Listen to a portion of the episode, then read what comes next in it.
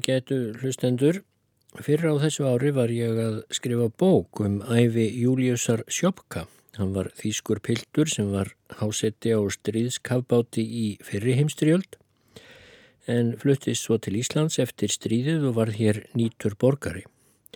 Svo vildi til að kafbátur hans sökti einu skipi sem var að koma frá Íslandi og með allmarka Íslandinga innanborðs. Það var norska flutninga og farþegarskipið Flóra sem var að koma frá Seyðisfyrði og var statt við Hjallandsæjar 7. júli 1917 þegar kafbáturinn réði staði. Af því er heilmikil saga sem ég vildi segja í þessari bók og rakst á meðal annars á frásögn sem einn Íslendingurinn um borð, rúmlega tvítugur listamadur að nafni Magnús Ársæl Árnason, skrifaði löngu setna. Dramatísk frásögn hans af örlögum Flóru byrtist í bókinni Gamanþættir af vinum mínum sem Magnús gaf út rúmlega 70 árið 1967. Þá bók hafði ég ekki lesið fyrr en þar reyndist að finna bráðskemtilega kapla um alls konar merkilegt fólk og frásögnin af örlögum Flóru skar sig reyndar nokkuð úr. En nú ætla ég að leifa hlustendum að heyra tvo af hinnum sannkvölluðu gamanþáttum í þessum þætti. Þótt gamanþættir sé reyndar helst til hóværlegt nafn yfir þættina sem Magnús skrifar um vini sína. Þetta eru merkilegar mannlýsingar og margt merkilegt sem hann segir frá. En það er fyrst af Magnúsi að segja að hann varð snemma listnegður og afar fjölhæfur. Rétt um tvítugsaldur var hann við listnám í Kaupmannahöfn. Hann yrkir líka kvæði, semur lög, heilmikið af lögum, þýðir bókmentir og syngur. Hann hafði vakið aðtikli í Reykjavík strax um tvítugt þegar hann sveif hér um svip, svipvindasum stræti í sláinu sínu, hárprúður og berhöfðaður, hafin yfir frumbyggjahátt útkjálkaplássa sem Reykjavík var þá í heiminum Augu hans lístu helgikendri ljóðrænu auk þess sem hann var hinn fagri Adonis meðal ungra manna. En svona lísti Haldur Lagsnesson. Síðar held Magnús á Árnason áfram listnámi í San Francisco. Hann dvaldist þar vestanhafs mest allan fjórða áratugin, eða þriðja áratugin og þar kynntist hann Haldur Lagsnes þegar hann bjóðar í nokkur ár og Haldur ætlaði að verða höfundur Hollywood mynda. Magnús fegst við fleira um æfina en ástæðið er til að nefna hér. Hann síslaði ekki aðeins við myndlist alla æfi, heldur einnig tónlistina sem fyrir sagði. Hann skrifaði þýtti og svo hafði hann samræðulistina, einnig í hávegum sögðu vinur hans fjölmarkir eftir að hann lést. Líklega var Magnús of fjölhæfur til að ná að skara beinlinnis alla leið fram úr á einhverju einu sviði en hann var endar príðis málari og það sem mest var um verðt, hann mun hafa verið ánægður með lífsitt. Konu átti hann bandaríska sem Barbara hétt og let líka heilmikið að sér hveða í íslenskum myndlistarheimum með fallegum málverkum og málverk eftir Magnús og Barbaru Árnason príða enn mörg íslensk heimili.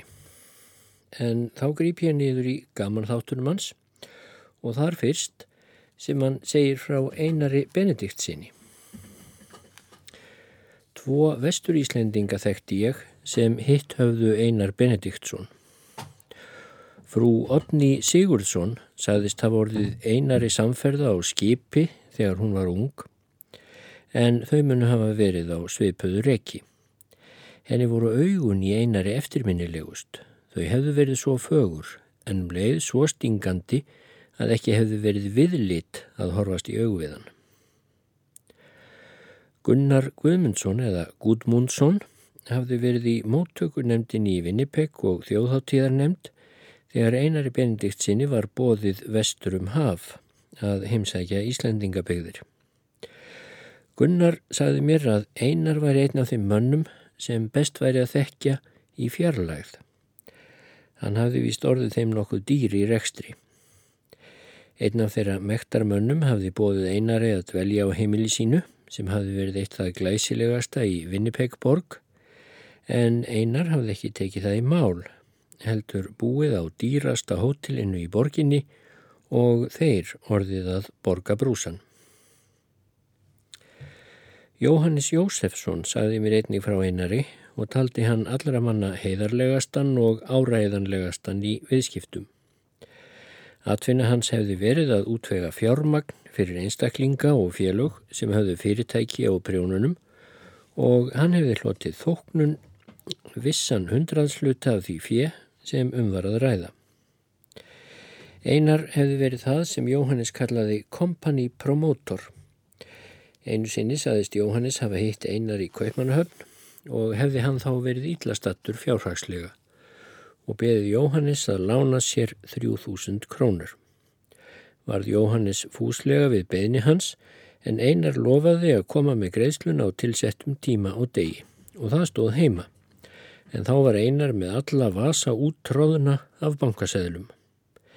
Ekki sagði Jóhannes hvernig einar hefði komist yfir það fjö, hefur ef til vill ekki vitað það.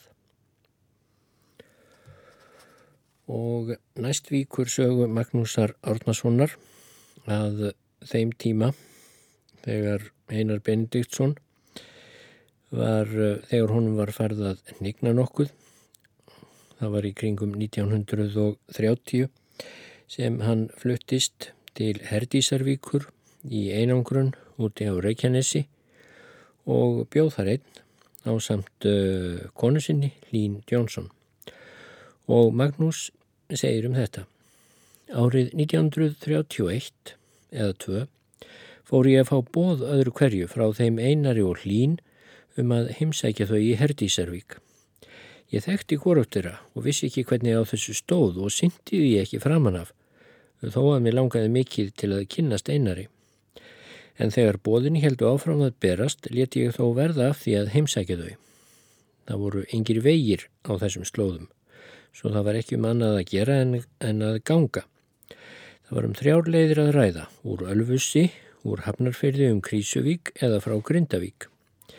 Ég ákvaða að fara með áallunarbíl til Grindavíkur, vera þar um nótt og ganga svo daginn eftir til Herdísarvíkur. Í Grindavík þekkti ég engan, þó sjálfsagt hafa þar verið einhverjir sem myndi eftir fóreldurum mínum og hafðu notið gesturistni þeirra í Narvakoti, þar sem þau bjöku á sínum tíma. Ég fór því á fund hérðslæknisins og tónskáldsins Sigvalda Kaltalóns til að leita upplýsinga. Sigvaldi tók mér af henni mestu alúð og bauð mér að vera. Við urðum brátt miklir mátar og helst svo vináta meðan hann lifiði. Um kvaldið sagðan, ég sé að þú hefur gert lag við Ísland augurum skorið. Já, sagði ég, en mitt lag er betra, sagði hann. Nei, mitt er betra, svaraði ég um hæl og hlóum við báðir hjertanlega og þó höfum við eftir vil báðir mynd það sem við sögðum. Á leiðinni til Grindavíkur hafði ég tekið eftir fornum leirkverum í skarðinu hjá Þorbirni, þar sem virtist vera ógrinni af leir. Ég stakk upp á því við Sigvalda að við færum upp í skarðið og ég gerði þar standmynd af honum í fullri stærðiða meira. Ef vel tækist til mætti taka mót af myndinni á staðnum, ef ekki þá væri allt jænt gaman að sjá hvað leirin endist lengi. En ekki vildi Sigvaldi það því miður. Hjá Sigvalda hitti ég skáldið Stein Steinar í fyrsta skipti og leist strax vel á piltin.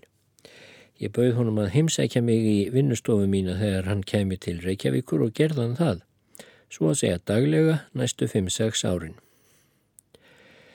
En hvað sem því líður, daginn eftir gekk ég til Herdísarvíkur. Þegar ég kynntist einar bendikt sinni þarna, þá var hann farin að tapa sér, bæði andlega og líkamlega.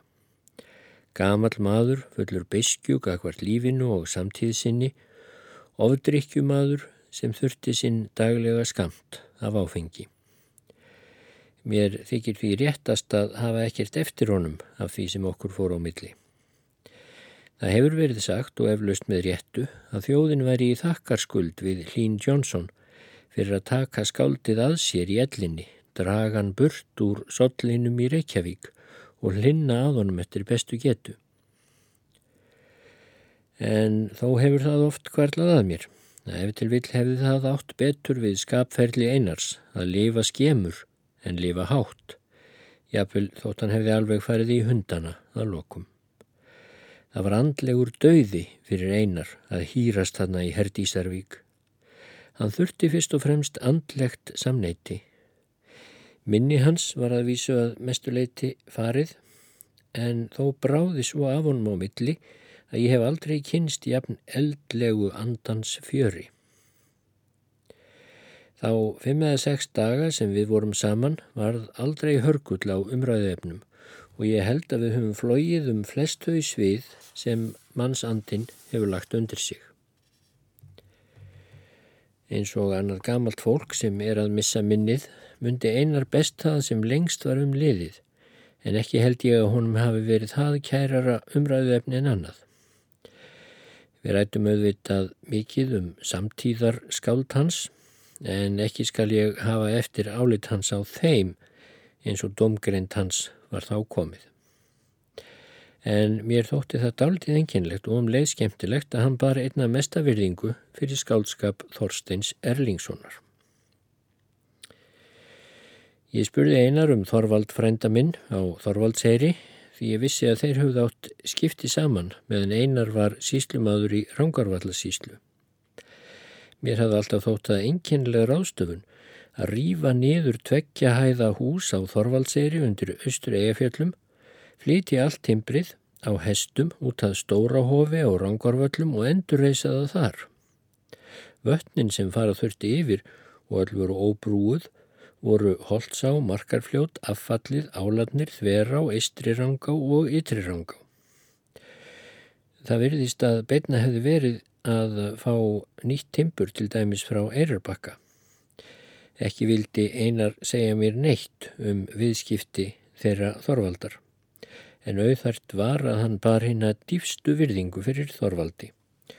Og sama hafði ég áður orði var hjá Þorvaldi að hann bar djúpa lotningu fyrir einari skáldi.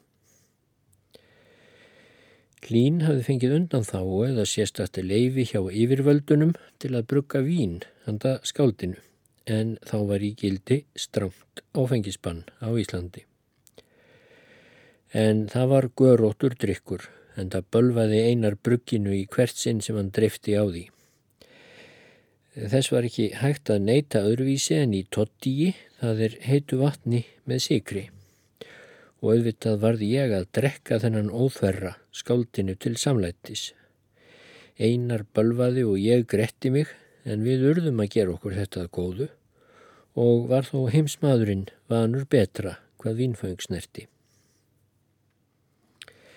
Einar var enn að reynað yrkja en átti erfitt með það vegna minnisleysi sinns og gati eiginlega ekki gert hann með aðstóð hlínar Það er hún þurft að minna ná hvar hann var komin hverju sinni.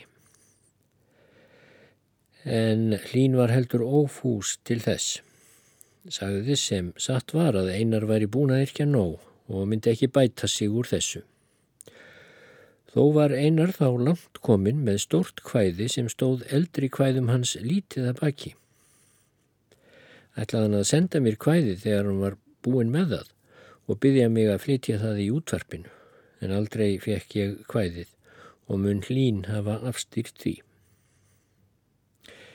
Ég hafði einhver tíma áður lesið kvæði eftir einar í útvarpinu og hann og hlín frétt af því en ekki heyrtað, svo þau báðu mig að lesa eitt þeirra fyrir sig. Ég valdi kvæðið Norðurljós. Mér þótti væntum ummæli einars eftir uppleisturinn þóttu að væru oflof. Honum þótti flutningur kvæðisins betri sagðan, en hann hefði sjálfur getað gert meðan hann var upp á sitt besta. En engin getur flutt hvæði betur en skáldið sjálf. En hitt má vera að skáld sjáu hvæði í nýju ljósi ef það er vel flutt. Meðan ég var þarna ætlaði ég að mála mynd af einari og gerði nokkuð góða byrjun. En þá kom hlín aftur til skjálana. Hefur sennilega fundist að einar væri orðin of gamal til að gera mynd af honum en það var mest í miskilningur. En ég skildi svo sem af stöðu hennar því alltaf vildi hún veg einars sem mestan í öllum hlutum. Hún fór strax að setja út á myndina og áður en nokkur um óviðkomandi er yfirleitt leifilegt að gaggrína verk sem er í uppsýklingu. Undir þessum kringumstæðum var ekki und að halda verkinu áfram. Ég er reyndar mjög óanagður með þær myndir sem gerðar hafa verið af einari því mér finnst enginn þeirra sína skáldið. Ef til vil hefur hinn umsveifum mikla kaupsísla hans sett mark sitt fremur á svip hans heldur en yrkingarnar og hinn andlegu störf. Mér er það minnistætt um Stefan G. Stefansson að þrátt fyrir það hver stórskorinn hann var þá gistlaði góðmennskan og andagiftin út frá andliti hans.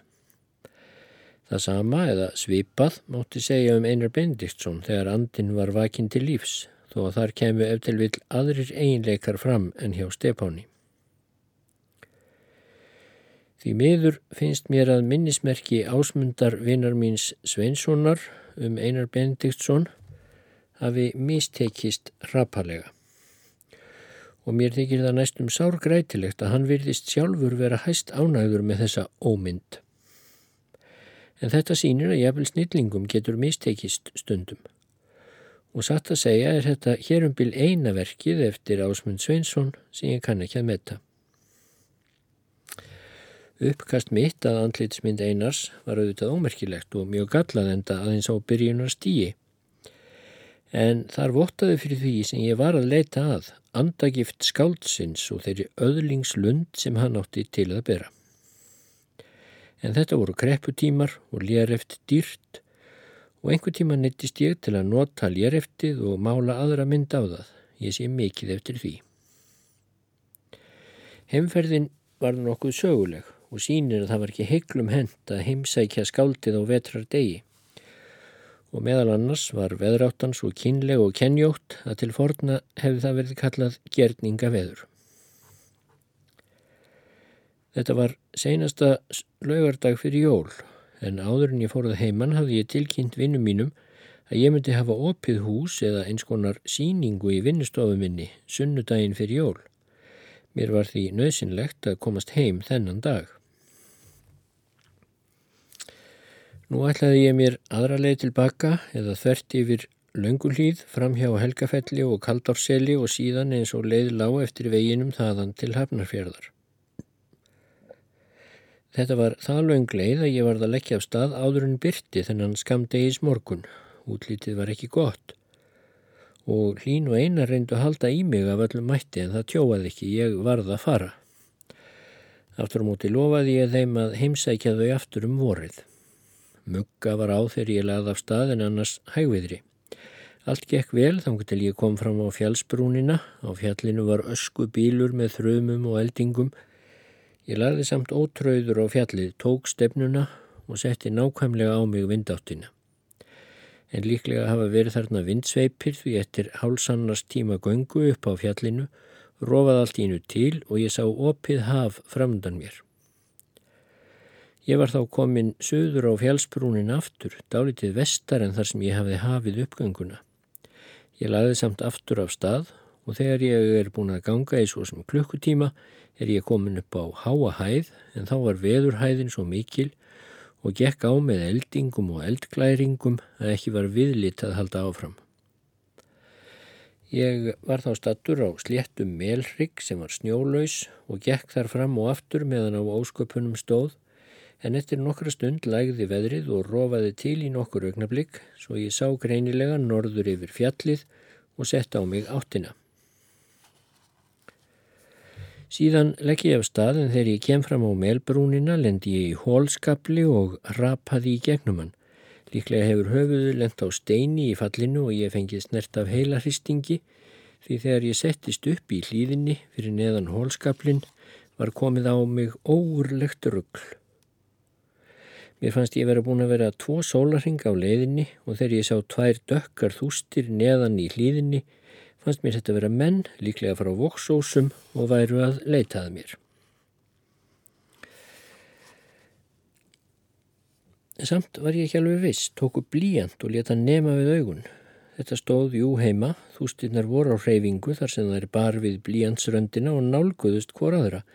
Ég stóð þá upp og gekk á mótið þeim og þegar ég hafði gengið 20 til 30 metra sá ég að þetta voru tveir steinar sem stóð upp úr snjónum. Brátt fór ég þó, fann ég þó eftir langa göngu að ég var farin að nálgast jafnsléttu og ný og sá þá bæ framundan. Ég fór að nálgast bæin en þá var fyrir mér ísilögð á að ég held. Ég held út á ísin en fann að hann var ótraustur og fór því varlega. En þegar ég var komin nokkur spöl brast ísin undir mér og ég sökk upp í nýja. Ég snýri þá tilbaka og reyndi fyrir mér annar staðar, komst nokkuð lengra en sökk þá upp í mitti. Enn snýri ég aftur og reyndi í þriðja sinn og fór nú enn varlegar. Ég komst þá halva leið yfir ána sem ég held vera en sökk þá upp undir hendur. Nú voru góður á dýr því ísin var of sterkur til að ég geti brotið hann með handleikinum. Ég tegði þá handleikina upp á skörina og tók sundtökin með fótunum og gatt þannig smátt og smátt mjakað mér upp á ísin og skreið síðan á maganum til lands. Nú var mér orði bísna kallt og raðaði mér því upp að bænum og barðað dýrum. Kona kom til dýra en þegar hún sá mig standandi þarna og lakur mér öllum varð hún hrætt og hljópin í bæ.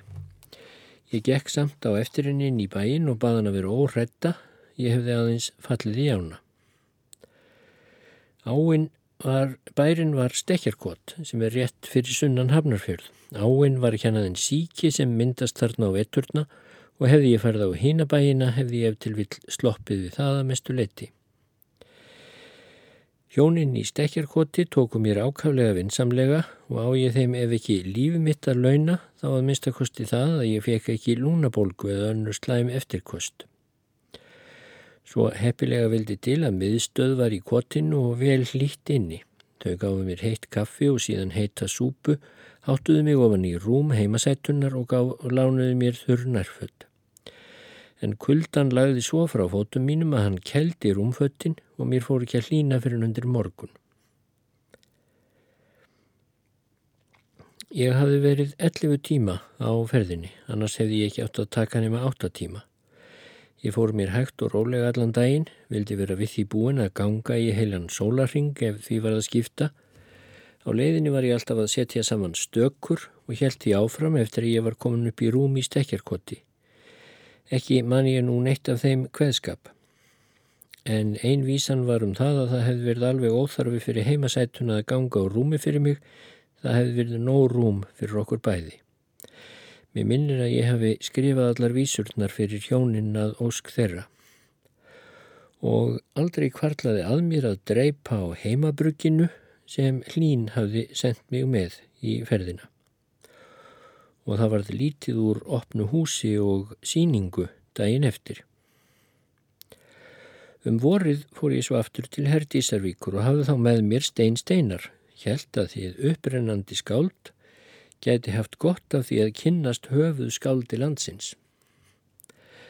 Veður var gott, bjart og mátulega hlýtt til göngu, við gengum úr ferðinum um kaldársel og þverti yfir löngulhýð og komum niður á söður brún fjálsins þar sem ég hafi færð upp um veturinn. Allt gekk vel þanga til við vorum komnir langleiðin að söður brún fjálsins þá lagðist yfir mig slíkt ómegin með kvæljandi höfuðverkjum að ég varð alveg frá. Það láfiði ég færi að halda að það var eitthvað óhreint á fjallinu. Því þetta var einmitt á svipuðum slóðum og rugglið hafði komið yfir mig í vetrarferðinni.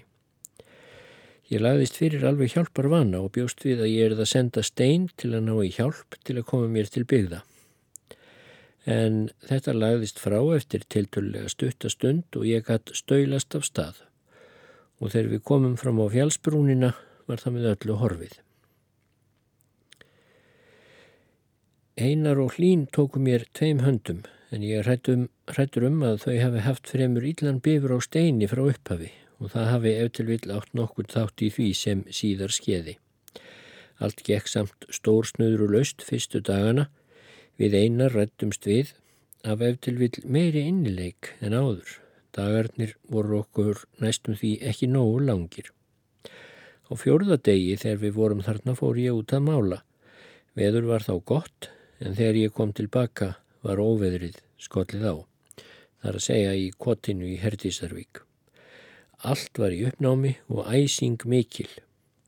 Einar títraði af bræði, hlín var eins og hún gæti orðið þingst á bárunni og steinn var kvefsin og hiftúðugur. Ég átti fullt í fangi með að stilla til friðar meðal allra þessara skapvarga. Steinn hafði þá ferð að rýfast við gamla mannin og æstan upp, en það þóldi einar ekki og mátt ekki við. Bildingarskáldið Steinn var þá ekki alveg á því að setjast að fótskur mistarans eins og ég hafði vonað. Þau hlín báðu mig þess lengstra orða að koma aldrei með þetta helvítis kvikindi aftur sem Steinn Steinar var. Brentuð orðin gefa þó litla hugmyndum þá miklu heift sem að baki orðum þeirra lág. Við urðum auðvitað að fara í bítið morgun nettir því ég náði ekki nema stundar griðum á millið þeirra. Heimferðin var tíðinda laus en ég forðaðist löngulíði í þetta sinn. Við fórum um Krísuvík til Hafnarfjörðar. Í seinasta skipti sem einar kom til Reykjavíkur gerðan óðara bóð fyrir mig að finna sig. Hann hjælt á til í húsi Hjalta Björnssonar skamt frá landsbítalanum. Einar beð mín í útidýrunum og tók á móti mér með útbrettan faðminn, tók mér eins og ég væri sonur hans. Og tilfinningar mínar, gagvart einari, voru engu síður sonarlegar. Hann lagði handleikin yfir herðar mér og við gengum til stofu.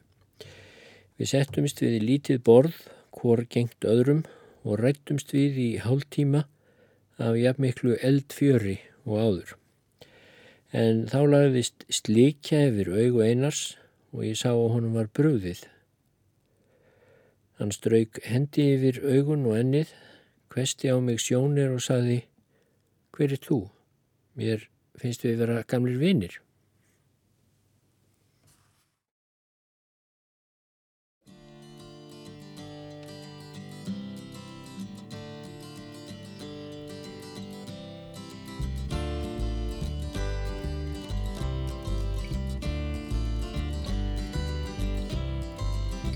Bælir út í veður og vindum, vetrar nætur látt meðan ljótir kallari liggja mömmu og pappi druslum döður í kompur drikkjulikkur landbrunnið brakka batni batnavagni vælir út í veður og vindum. Vetra nætur langt meðan ljótir kallari liggja mömmu og pappi druslum döður í kompur drikkjulikkur landbrunnið brakka batni batnavagni vælir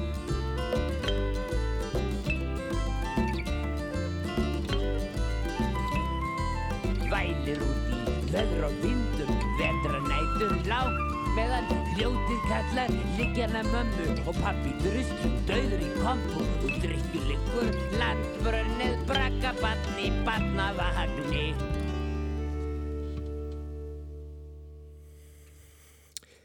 Kiljan í Kaliforníu Svo nefndist grein sem Magnús Á. Árnarsson skrifaði og byrti í þjóðviljanum að beðinni rittstjóra þar. Daginn sem Haldur Lagsnes tók við Nobelsverlununum í bókmentum árið 1955 og síðar var greinin byrt í gaman þáttum af vinum mínum. Og í þessari grein segir Fjöldi vina minna og kunningja hefur farið þess á leit að ég segi frá samveru okkar Haldurs Lagsnes í Kaliforníu því nú vilja allir vita allt sem vitað verður um þetta fræga skáld okkar. Mér er bæði ljúft og skilt að verða við óskum þeirra þó ég sé enn ekki nógu gamall til að fara að skrifa endurminningar mínar yfir leitt. Það hafa gengið slíkar tröllasögur af félagskap okkar haldors á þessum árum að hættir við að þeir sem búast við einhverjum reyfarasögum verði fyrir vonbreyðum. Skömmu eftir að stríðilaug kom Thompson nokkur, maður sem þýtt hafði sjálfstætt fólk á ensku í heimsókn hinga til lands. Hann spurði mig hvort saga sem hann hafði hirt af okkur haldóri meðan við vorum í Kaliforníu væri sönn. Við hefðum verið auðra litlir eins og reyndar satt var og þá hefði Haldur farið með gítarum auksla á ímsa skemmtistæði og sungið og spilað fyrir fólk en ég gengið í kring með hattin á eftir. Ég hló en svaraði ekki spurningunni. Þeir sem þekki okkur báða þurfi ekki á neinu svari að halda. Í París saði Pétur Benediktsson sendiherra mér aðra sögu sem sínilega er samin út af skeggi mínu sem mér tókstu ekki að láta vaksa fyrir 20 árum eftir að sagan hafði átt að gerast. Við hefðum þá verið auðra litlir eins og vant var en þá hefði Haldur gerst leikpretikari, farið út í gard og staðið upp á kassa til að pretika. En hann let sér ekki næja að flytja fólkinu Guðsorð, heldur saðist hann hafa Jésu Krist hérna með sér og ítti fram vini sínum Magnúsi Árnasinni al skeggjuðum. Nú held ég að sagan væri öll, en nokkur mánuðum síðar varði ég samskipa Kristjáni Albert sinni á leið heim og þá saðan mér nýður lag sögunar. Þegar leikbreytikarinn á næsta kassa sá hvað Haldur dróað sér mikinn mannfjölda, þá var þann öfundsjúkur og heimtaði að þessi Jésús gerði kraftaverk, en þá flýtti Magnús sér víst til rakarans. Það væri synd að segja að Haldur Kiljan Lagsnes væri eina skáldið á Íslandi. Skömmu fyrir jól 1927 hafði ég tækifæri til að skreppa söður til Los Angeles þar sem kunningi minn fór einni bíl frá San Francisco og ætlaði að vera í burtu í viku. Ég hafði verið sex mánuði í Los Angeles nokkrum árum áður og átti þar nokkra góða kunningja. Á aðfangutaskvöld var mér bóðið til miðdegisverðar hjá Jóni Þorbergsinni, söngvara, á samt Bjarnabjörnsinni, skopleikara. Þetta var á þeim árum þegar vínbann var í bandaríkjunum en í Kaliforníu var mikil vínviðarrækt og nú voru allir markaðir fullir af rúsínum því ekkert annað var við vínberin að gera nema þá fleia þeim. Þá var það ráðtekið að leifa hverju heimili að framleiða 400 lítra af rauðvíni á ári til eigin þarfa. Að öðru leiti gildu sömu lögum meðferð vinsins og mátti ekki taka það út af heimilinu og fyndist að í bíl var bílinn gerður upptækur auk annara sekta. Gestgjafinn hafði framleittið ágætasta vín og nutu við þess ríkulega með máltíðinni. Það hafði verið ákveðið að við færum allir þrýr á fund skáldsins unga frá Íslandi eftir mat og nú vildi Jón Þorbergsson að við tækjum með okkur 8 lítra ílát með víni til að dreipa á um kvöldið en kona hans og ég öftruðum því sem betur fór eins og síðar kom á daginn. Ég hafði heyrt talsvert um skáldið talað þótt erfitt væri að fylgjast með því sem gerðist heima. En það fór það ekki dullt eftir vestur íslensku blöðunum að dæma hvers konar maður væri hér á ferð. Auk þess hafði Ársæl bróður minn skrifað mér af óvenjulegum áhuga um skáldið um það leiti sem hann var að gefa út undir helganhúk.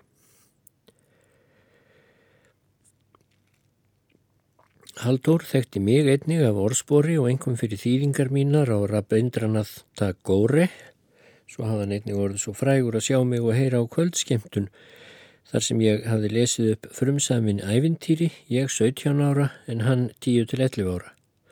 Það hafði hann víst þótt mjög til fyrirmyndar þá. Haug þess áttum við sami einlegan kunningja þar sem Jóhann Jónsson skáld var. Haldur bjóð þá í lítilli en snoturi íbúð, það var stofa, svefnibergi og eldhús. Um kvöldið var mikið talað og mikið hleyið, Jón hafði jafn dillandi hlátur og rött hans var heillandi, Bjarni var snjall skopleikari en skemmtilegastur í góðum félagskap því þá kom kýmni hans og gletni berast í ljós og auðvitað höfðum við haldur líka okkur sögur að segja. Svo var það klukkan eitt um nóttina, ég stóð fram á gólfi, snýri baki að hurð og var að segja einhverja sögu þegar skindilega var barið harkalegað dyrum. Ég snýri mér við og opnaði og óðara var reikinn fótur milli stafs og hurðar en lögreglu húfa skagaði yfir höfðu mínu og önnur á bakvið. Lauruglumenni ruttust þegar inn og spurðu hvað gengi hér á. Ekkert, sagði ég. Við erum hér aðeins fjórir samlandar að skemmt okkur. Við sjáum nú tilsögðu þeir og leituðu dýrum og dingjum að vínföngum en fundu ekki. Þá báðist þeir afsökunar, sögðu að kæra hefði borist úr næsta húsi því fólk geti ekki sofið fyrir háfaðanum í okkur og báð okkur að loka glukkanum og hlægi ekki alveg eins hátt. Ef við hefðum haft vínið meðferðis hefðum við eflaust allir verið teknir á laurgstöðuna og sennilega voruð að dúsa í steininum alla jólanóttina. Þetta voru okkar fyrstu kynni. Að ytra útliti kom Lagsnes mér þannig fyrir sjónir. Hann var rúmlega meðalmaður og hæð, mjög grannur og óvanalega mjóbeinóttur. Hárið ljóst en lítið, ennið hátt, augabrúnir ljósar, nefið fremur stort og neðri vör framstæðir nokkuð.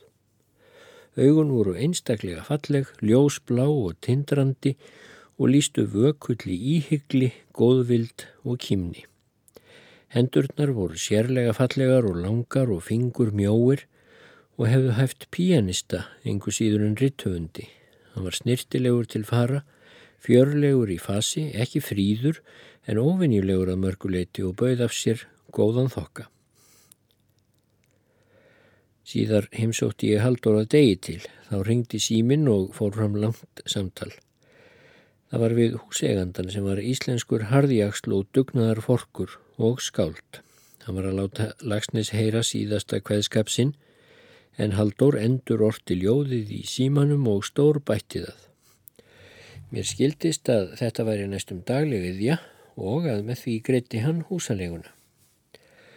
Nú fór ég aftur til San Francisco og hafði Bjarnar Björnsson með mér og það var upphafið að hans löngu pílagrímsköngu heim en það er nú annur saga. Eftir þetta skrifumst við haldur á og nokkru síðar var það úr að hann kom til mín og sett í stað í vinnustofu minni.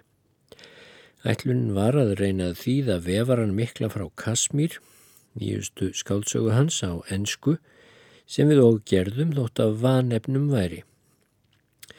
Það tókst þó ekki verðin svo að Upton Sinclair, rítuðundurinn frægi sem laðast þýðinguna rækilega yfir, taldi að hver góður prófarkalesari geti lagfærtana í hendi sér.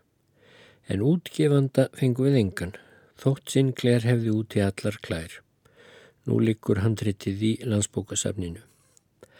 Við störfuðum að þýðingunni saman í fjóra til fimm mánuði en alls tók það mig háltanað árað ljúkenni.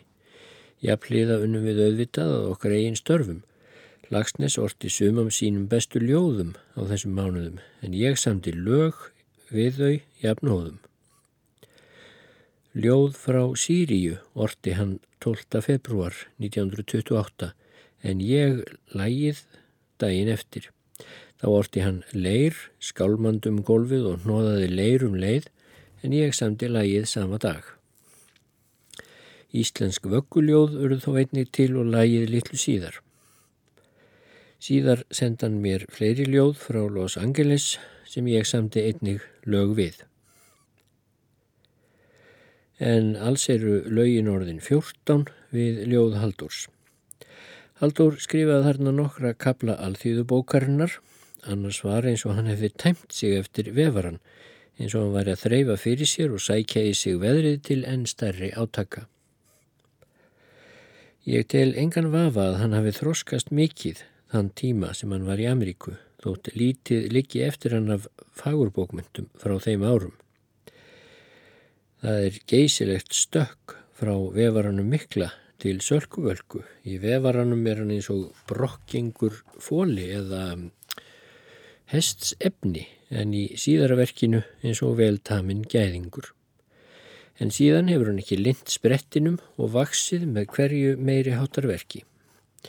Hann skrifaði þá ímis brott sem síðar urðu að þáttum. Ég mun hafa gefið honum tilhefni til tvekja þeirra. Það fyrra var frásaga frá Alaska, tvinnuð saman við uppfinningu sem ég þóttist hafa gert. En sagan var svo djörf að Haldur kom sér ekki til að lesa hana fyrir kunningi okkar. Þótt ég þrá bæðan um það. Nú mun þetta handrit tínt. Hitt var af Sigga vinni mínum og mér þegar við hittumst í heimsókn hjá gamalli íslenskri konu sem lág veik. Báðir voru nokkuð brjóstgóður en fremur trúlittlir, en Siggi hafði köllun til að aftrúa alla. Eh, ég bar hins vegar fulla virðingu fyrir hversmanns trú. Það er ekki að sökum að spyrja, við lendum í háa rifrildi hvenar sem við hittumst og heimsóknin endaði með því að gamla konan var að byggja okkur að fara. Þetta var upp í staðan í einn af þáttum haldurs þótt karakterarnir séu vissulega óþekkjanlegir og atbyrðum nýka til. Ég þykist hafa átt minn litla þátt í því að Haldur held áfram að skrifa á íslensku eða minnstakosti lagði ég mitt lóð á metaskálarnar og dró ekki af. Ég veit að hann hugleiti möguleik á því að fara að skrifa á ennsku, þótt ég veit ekki hversu mikil alvara honum var með það. Hann bar málið undir mig, hann kunni bókmálið príðis vel, en English as he is spoke, eins og Mark Twain orðarðað, það er alþýðumálið, kunnan ekki en fyrir skáldsagna höfundir það nöðsynlegt. Nú orðið hefur hann ótrúlega góð tök á reytuðu máli ensku. Ég held í fram að hann hefði þá þegar tafið sér svo sterkan stíl og svo samtvinnaðan móðurmáli sínu og það myndi taka hann tíu áraðan á sömu tökum á öðru máli. Auk þess sá ég fram á hvaða gildi það hefði fyrir alla þjóðina að þessi snillingur skrifaði á íslensku. Ég bent honum á að hann ætti eftir að skrifa einhver mistarverk sem hvorur okkar efaðist um og þá eru þau nógir til að þýða þau. Ég er rættur um að ég hef ekki reynst sansbár hvað enskumælandi heiminn snertir. Á þessum mánuðum lifðum við einna helst á því að flytja stutt erindi eða fyrirlestra um íslensk efni í félögum og einhverjum kvennaklúpum. Við fengum 15 til 25 dollara fyrir erindið, oft var samt ærið þröngt í búi. Eina vikuna höfðum við haft óvanalega lítið að borða en þá kom, kom gömul kona og spurði hvort við vildum ekki fara í vestlu sem halda átti 400 mentamönnum frá Mexiko í fínasta hóteli bæjarins. Jú, við þáðum það. Þar voru borðnir fram 14 réttir en sem betur fer stóð máltíðin fjórar til fimm klukkustundir annars hefðum við ekki þólaðað. Okkur þótti gaman að hitta meksikanska mentamenn. Maturinn var góður og byggum við aðunum í nokkra daga á eftir. Eitt erfiðasta viðfangsefni okkar var að upplýsa svig sem íslenskur prestur Vestanhafs hafi flaskað á. Hann hafði komist yfir bók sem hétt Life and Teachings of the Masters of the Far East. Bókin lísti för sjö bandarískra vísindamanna til Indlands sem ætlaði að rannsaka dulspeki og reynaði að ná fundi meistarana sjö. Meistararnir tóku þeim með kostum og kynjum, svifu með þá og nokkrum augnablikum þúsund kílometra frá einu landshorni til annars, að þeir framkom þegar þeir þurft að borða, og þá komu kræsingar fljúandi á bökkum til þeirra og þegar þeir þurfti á peningum að halda réttuður fram tóma höndina og augnabliki síðar lágu gullpeningar í lofum þeirra. Íslenski presturinn flutti löndum sínum þetta fagnadareinindi. Ég myndi að höfundur bókarinnar hafði orðið uppvísað svikum en við þurftum að fá óíkjandi staðfestingu á því. Guðsbeki félagið í borginni staðfesti að ég myndi rétt en gæti ekki munað hvenar þetta hafi skeið. Þó gáttu þeir sagt okkur árið og nokkur neginn árs tíman. Það kostaði okkur að fletta nokkur að mánuða bunkum á stórblöðunum. Það var ekkert álhaupa verk en við fundum það að lokum.